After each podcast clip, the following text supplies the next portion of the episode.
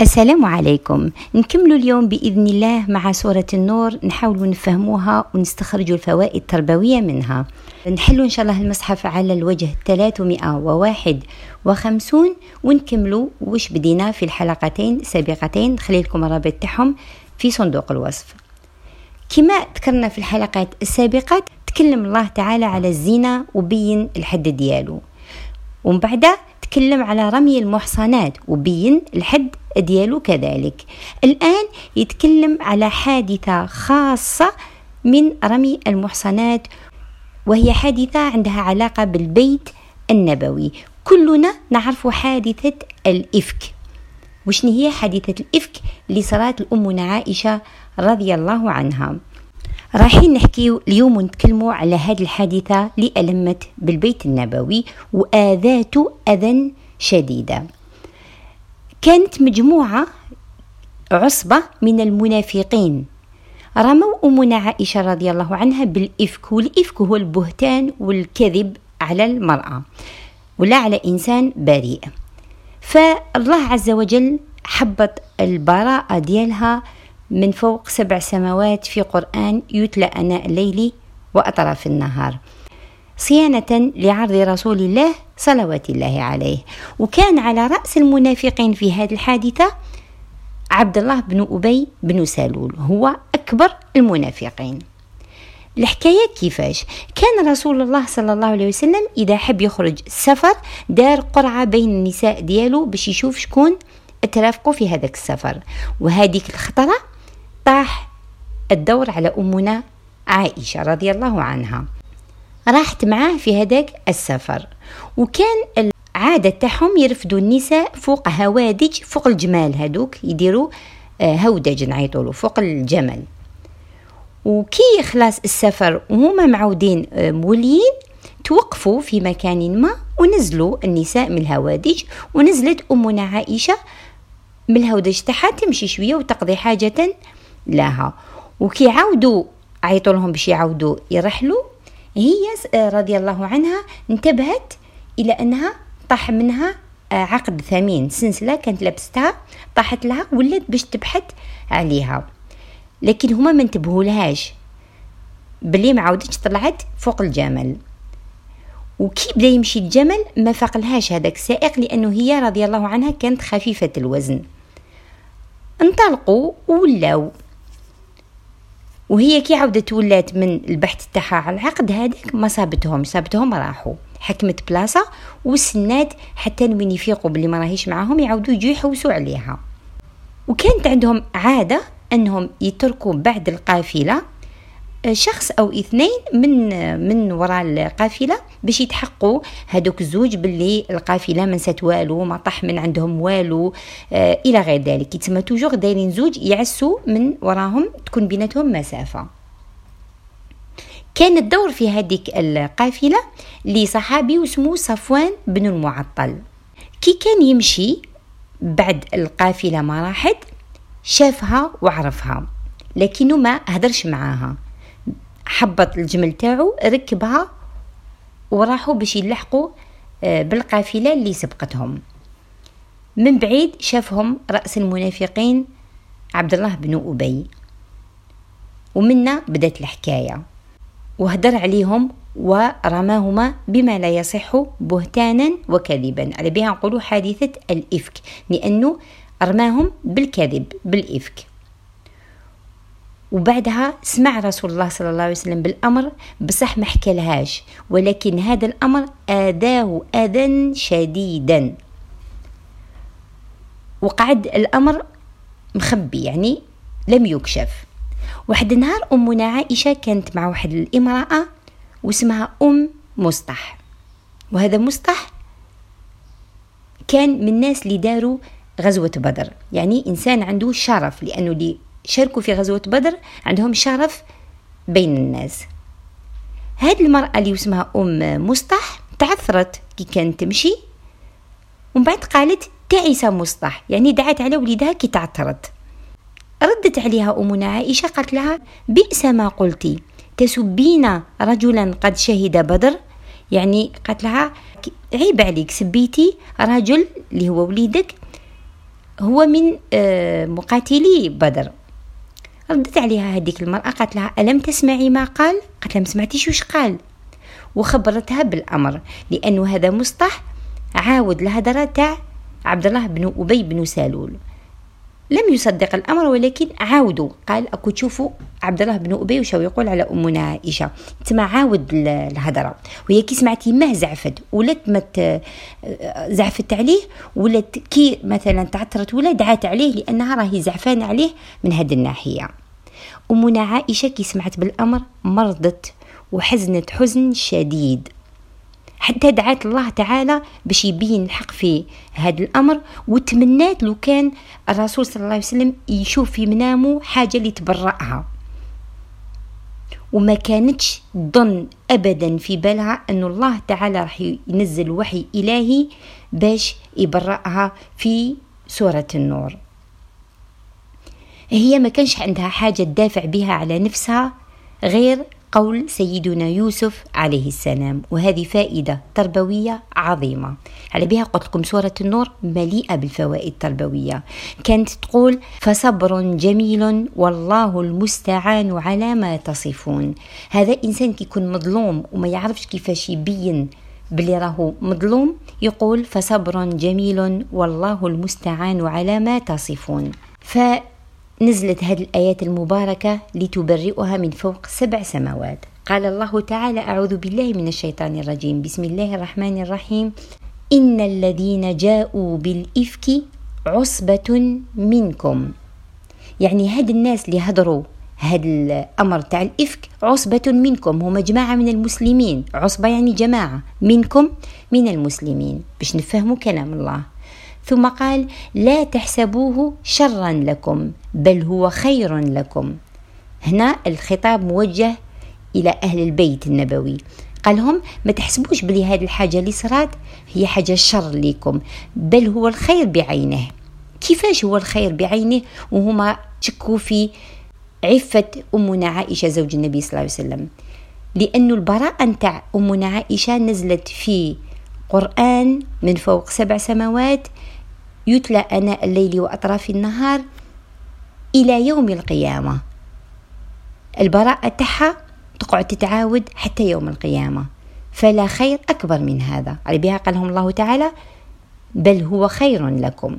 ومن بعد قال لكل امرئ منهم ما اكتسب من الإثم.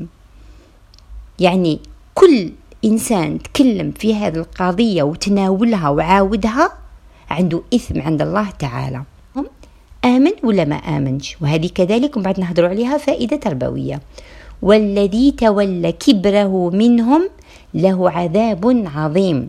يعني الإنسان اللي أعطى لهذا الأمر اهتمام وكبره تولى كبره منهم يعني من هذه العصبة اللي الجماعة اللي هضرت في في هذه الحادثة كاين واحد منهم تولى كبره. يعني زاد ضخم الأمور وزاد عليها يعني عقرها باش تبان حاجة صارت كبيرة.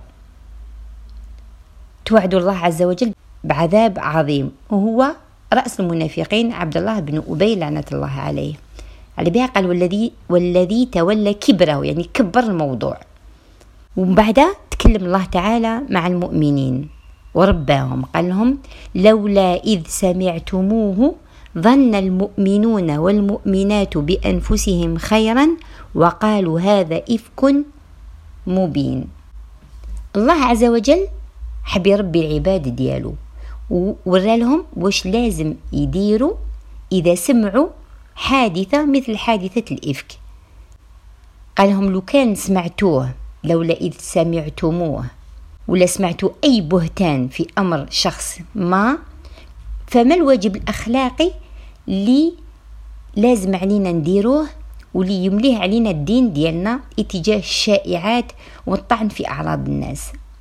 لو حصل الأمر وسمعتوا أمر كيما هذا قيسوا هذا الأمر عليكم. إذا كان ما يليقش بيكم فحتما ما يليقش بأشرف نساء قريش وأم المؤمنين. وهذه قاعدة عامة. نقيسوا واش نسمعوه على نفوسنا نرضاوه لينا نرضاوه لبناتنا نرضاوه لبيتنا عموما لولادنا. ما نرضاوهش. إذا لازم نقطعوا سلسلة الإفك. قالهم الله تعالى لو كان سمع لو كان كي سمعتوه لولا إذ سمعتموه ظن المؤمنون والمؤمنات بأنفسهم خيرا. يعني أنتم ما ترضاوهش لنفوسكم ظنوا أنفسكم خيرا. فلا تظنوا شرا بالعباد. بل قولوا هذا إفك مبين. رباهم الله تعالى وقال لهم وقالوا هذا إفك مبين. يعني لو كان قلت هذا الأمر لو كان قلت ستوب هذا إفك مبين وما نروحوش في الحكاية بعيد وما نعاودوهاش.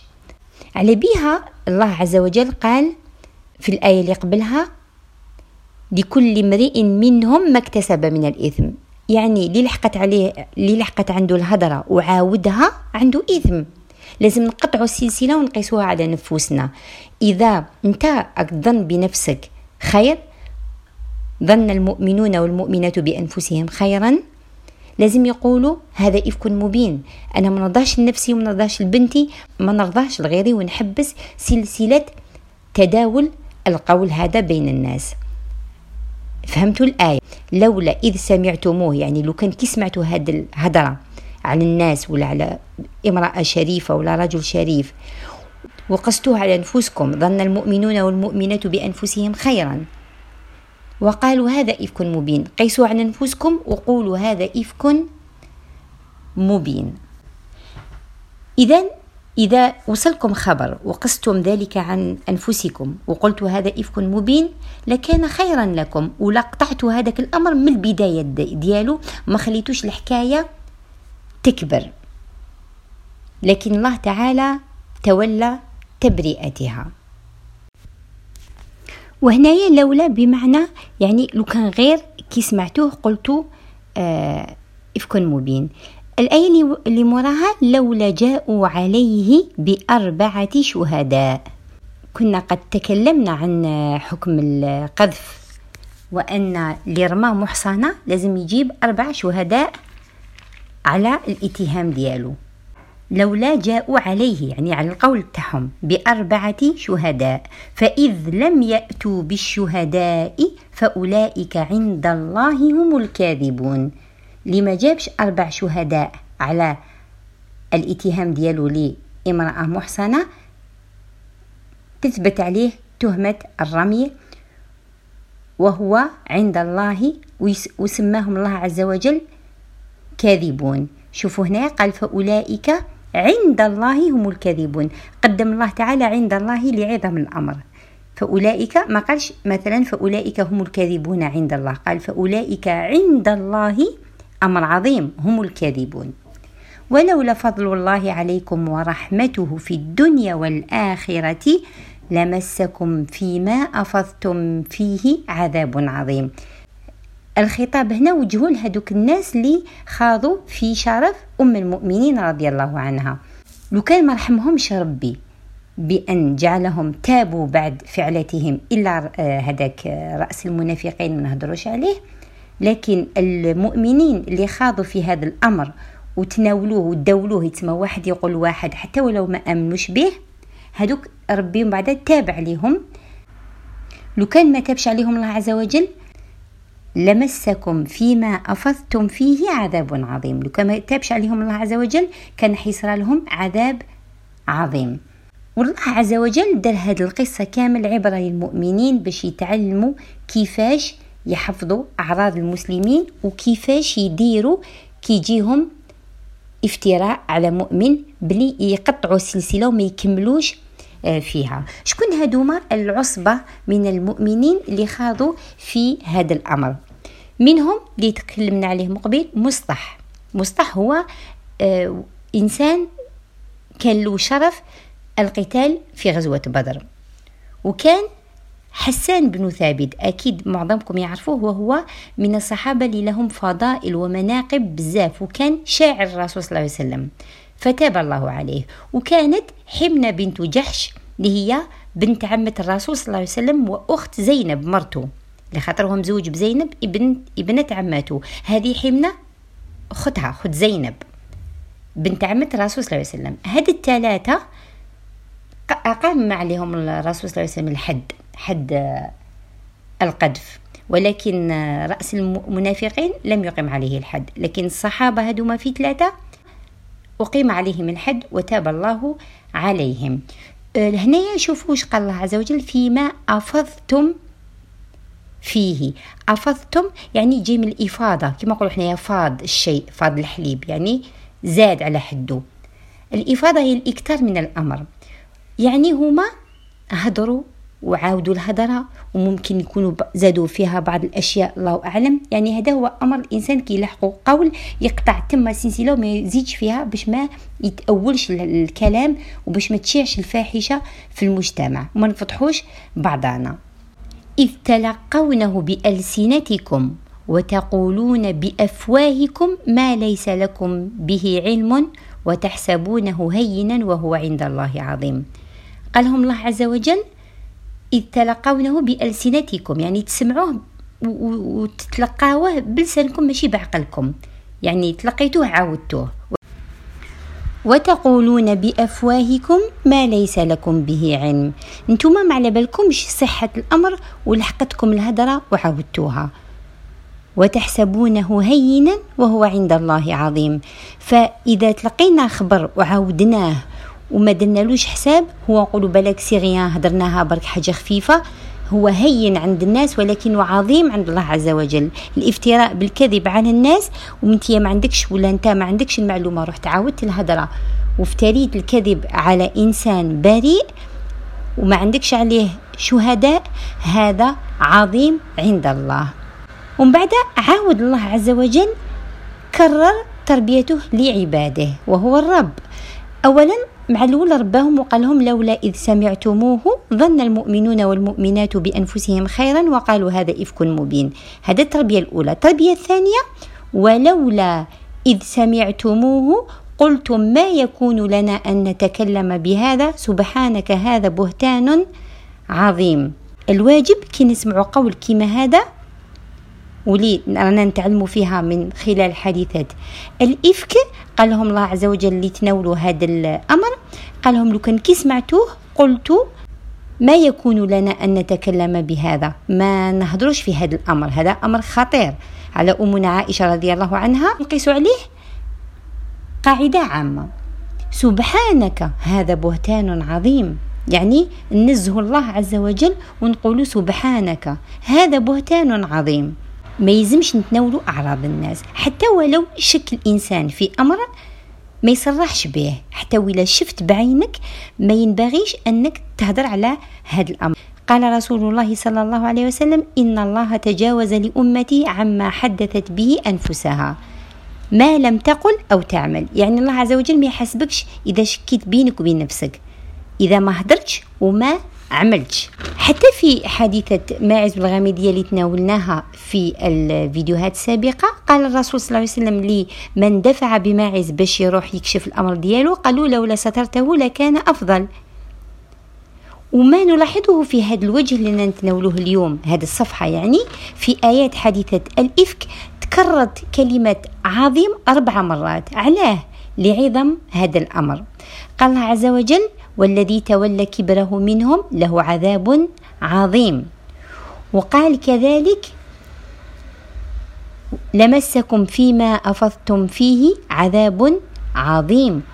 ثم قال وتحسبونه هينا وهو عند الله عظيم.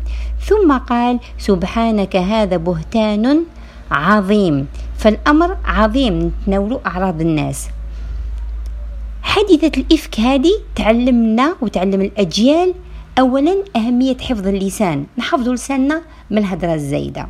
ثانيا الصبر على الأذى كما صبرت أمنا عائشة ورسول الله صلى الله عليه وسلم على الأذى اللي صابهم وما راحوش دو حقهم بيدهم. ثالثا آداب التعامل. سورة النور مليئة بآداب التعامل. إذا كل ما تبلينا بأمر في هذه الدنيا نقول لا تحسبوه شرا لكم بل هو خير لكم. اعلموا باللي الشر اللي صرنا في حياتنا عنده في باطن ديالو أكيد رحمة وخير من الله تعالى. وعرض المرأة في الإسلام له شأن عظيم. به انطق رضيع في المهد وهو عيسى عليه السلام كي بر أمه مريم كتهموها كذلك. وعلى جال امرأة وعرضها أنزل الله تعالى آيات تتلى أناء الليل وأطراف النهار باش يبرأها رضي الله عنها. إذا ما نخوضوش في أعراض الناس لأن شأنها عند الله عظيم. إذا هذه الحادثة كامل عظيمة ظاهرها الشر وباطنها الخير كله. واختم سبحانه عز وجل توجيهاته التربوية بموعظة يعظكم الله أن تعودوا لمثله أبدا إن كنتم مؤمنين. إذا كان المسلم يقول أنا مؤمن حق الإيمان ما يلزمش يعاود يخوض في أمور تخص أعراض الناس. منهي عليه في الإسلام. ويبين الله لكم الآيات والله عليم حكيم. الله يبين لنا هاد الآيات وهو عليم على بالو كاع وش هو. إحنا نديرو به ونقولوه ونخموه حكيم في تشريعه دار كل ذنب الحد ديالو ودار شروط للتوبة وكل حاجة في الإسلام في التشريع والشريعة الإسلامية بحكمة. لكن قد نغفل عليها. دي ما نفهموش الحكمة تاع الله عز وجل. ومن بعد قال إن الذين يحبون أن تشيع الفاحشة في الذين آمنوا لهم عذاب أليم في الدنيا والآخرة. والله يعلم وأنتم لا تعلمون. من الحكمة أن منشيعوش الجرائم المتعلقة بالزنا وعرض المؤمنين وهتك الأسرار خاصة في التلفزيونات ومواقع التواصل الاجتماعي. لخاطر كل ما شاعت هانت. تولي الناس كامل يستهينوا بهذه الأمور باعراض الناس. نقولوا كامل يديروها كامل يهضروا كامل يغلطوا. وهذا خطأ عظيم. لو كان نسكتوا ونغموا الأمر ونحسبوها عظيم ما يشيعش في المجتمع. لأن الله عز وجل توعد لي يشيع الفاحشة بعقوبة في الدنيا والآخرة. هذا بمجرد أنك تعاود الهضرة ولا مثلا يلحقك une publication تاع كاش آه وحدة فضحوها ولا تعاود تروح تpublierها هذاك راهو إشاعة فاحشة أمره عند الله عظيم. قال صلى الله عليه وسلم لا تؤذوا عباد الله ولا تعيروهم ولا تطلبوا عوراتهم فإنه من طلب عورة أخيه المسلم طلب الله عورته حتى يفضحه في بيته والعياذ بالله. ولولا فضل الله عليكم ورحمته وأن الله رؤوف رحيم. قبلها في الوجه السابق قال الله عز وجل ولولا فضل الله عليكم ورحمته وأن الله تواب حكيم. لا خطر الآيات اللي كانت قبل من هذه الآيات تتكلم على الحد حد الزنا حد القذف. حكيم في تشريعه. الله عز وجل عنده حكمة علاش دار حد الزنا. مئة جلدة وحد القذف ثمانون جلدة والرجم إلى غير ذلك تواب يتوب على من تاب. هنا قال رؤوف رحيم لأنه تناول حادثة الإفك والصحابة اللي خاضوا في هذا الأمر أنه كان رؤوف بهم ورحمهم وتاب عليهم. على بها هاد الخواتيم تاع الآيات لازم نفهموا المعنى علاش جات بهذا الشكل. إذا لا نخوض في أعراض الناس ما نعاودوش الهضرة كي تلحقنا نقطعوا السلسلة تاع القذف. وخاصة التواصل الاجتماعي والتلفزيونات ما نخوضوش في أعراض الناس ما نبارطاجيوش حاجة لحقتنا تخص عرض مؤمن ولا آه شيء ما رناش متأكدين منه وقالوا بلي دار فلان ولا دارت فلانة نروحو نبارطاجيو. هذا فاحشة إشاعة الفاحشة والله توعدهم بعذاب أليم في الدنيا والآخرة. يعني يديو حسابهم في الدنيا ويزيدوا في الآخرة والعياذ بالله. نتلاقاو مع الوجه المقابل. ومع سورة النور المليئة بالنور والسلام عليكم.